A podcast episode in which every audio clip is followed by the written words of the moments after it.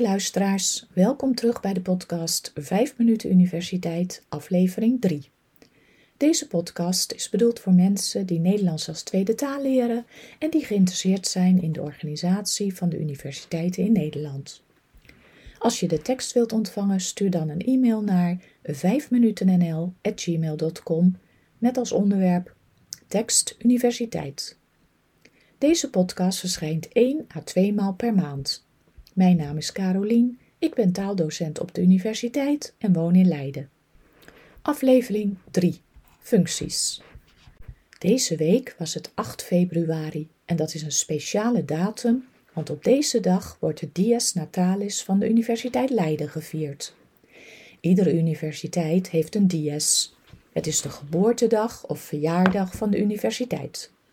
Die van de TU Delft wordt ook gevierd in februari en die van Utrecht op 26 maart.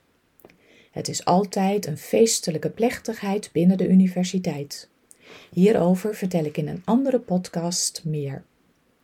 Deze aflevering gaat namelijk over de verschillende functies bij een universiteit.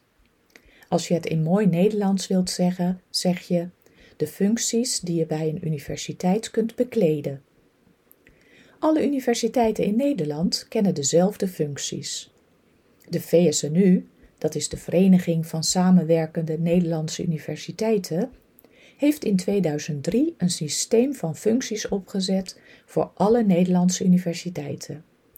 Deze zogenaamde UFO-profielen geven een beschrijving van de verschillende functies en een bijbehorend niveau en salarisschaal. Er wordt een onderscheid gemaakt in wetenschappelijk personeel, afgekort tot WP, en ondersteunend beheerspersoneel, OBP.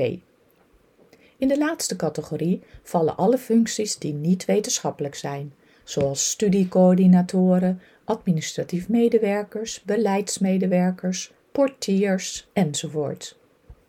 Het wetenschappelijk personeel, de naam zegt het al, doet wetenschappelijk werk en heeft als hoofdtaak onderzoek en onderwijs.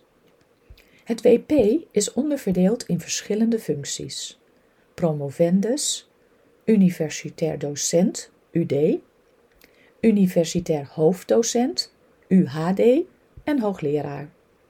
Over promovendi valt heel veel te vertellen. Hierover zal ik een aparte podcast maken. Wel is het belangrijk te weten dat een promovendus die promotieonderzoek mag uitvoeren aan een Nederlandse universiteit in principe een aanstelling krijgt voor vier jaar. In Nederland spreek je dus ook liever niet van een PhD-student, maar van een PhD-kandidaat. Hij of zij is immers geen student meer, maar een werknemer. Als je gepromoveerd bent, kun je een functie krijgen als UD. Je begint als UD2 en groeit bij goed functioneren na een aantal jaren door naar UD1. Als je aan de functie-eisen van een UHD voldoet, kun je bevorderd worden naar UHD2, UHD1 en voor de allerbeste is er dan de mogelijkheid om tot hoogleraar benoemd te worden. En net als bij de andere functies zijn ook hier hoogleraren 2 en hoogleraren 1. Dit laatste, hoogleraar 1, is dus echt het allerhoogste. Iedere universiteit kent bepaalde criteria waaraan je moet voldoen om voor de functie van UHD of hoogleraar in aanmerking te komen. Voor een benoeming wordt altijd een BAK, een benoemingsadviescommissie, samengesteld. Deze commissie bestaat uit wetenschappers uit het vakgebied. Zij voeren de gesprekken met de kandidaat en beslissen uiteindelijk wie de baan krijgt. Bij iedere functie hoort ook een salarisschaal.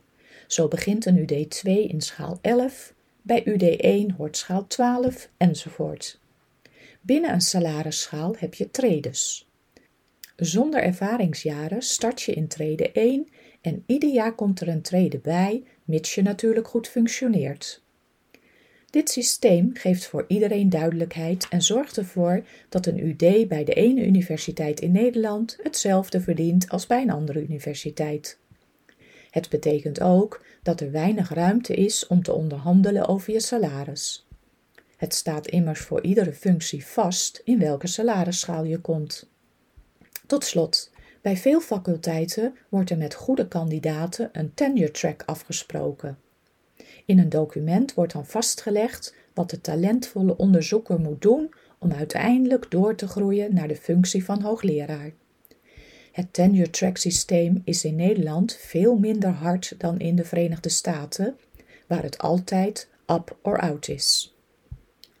Tot zover aflevering 3 van de podcast 5 minuten universiteit.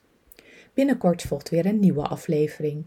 Veel dank voor het luisteren en een fijne dag. Tot de volgende keer.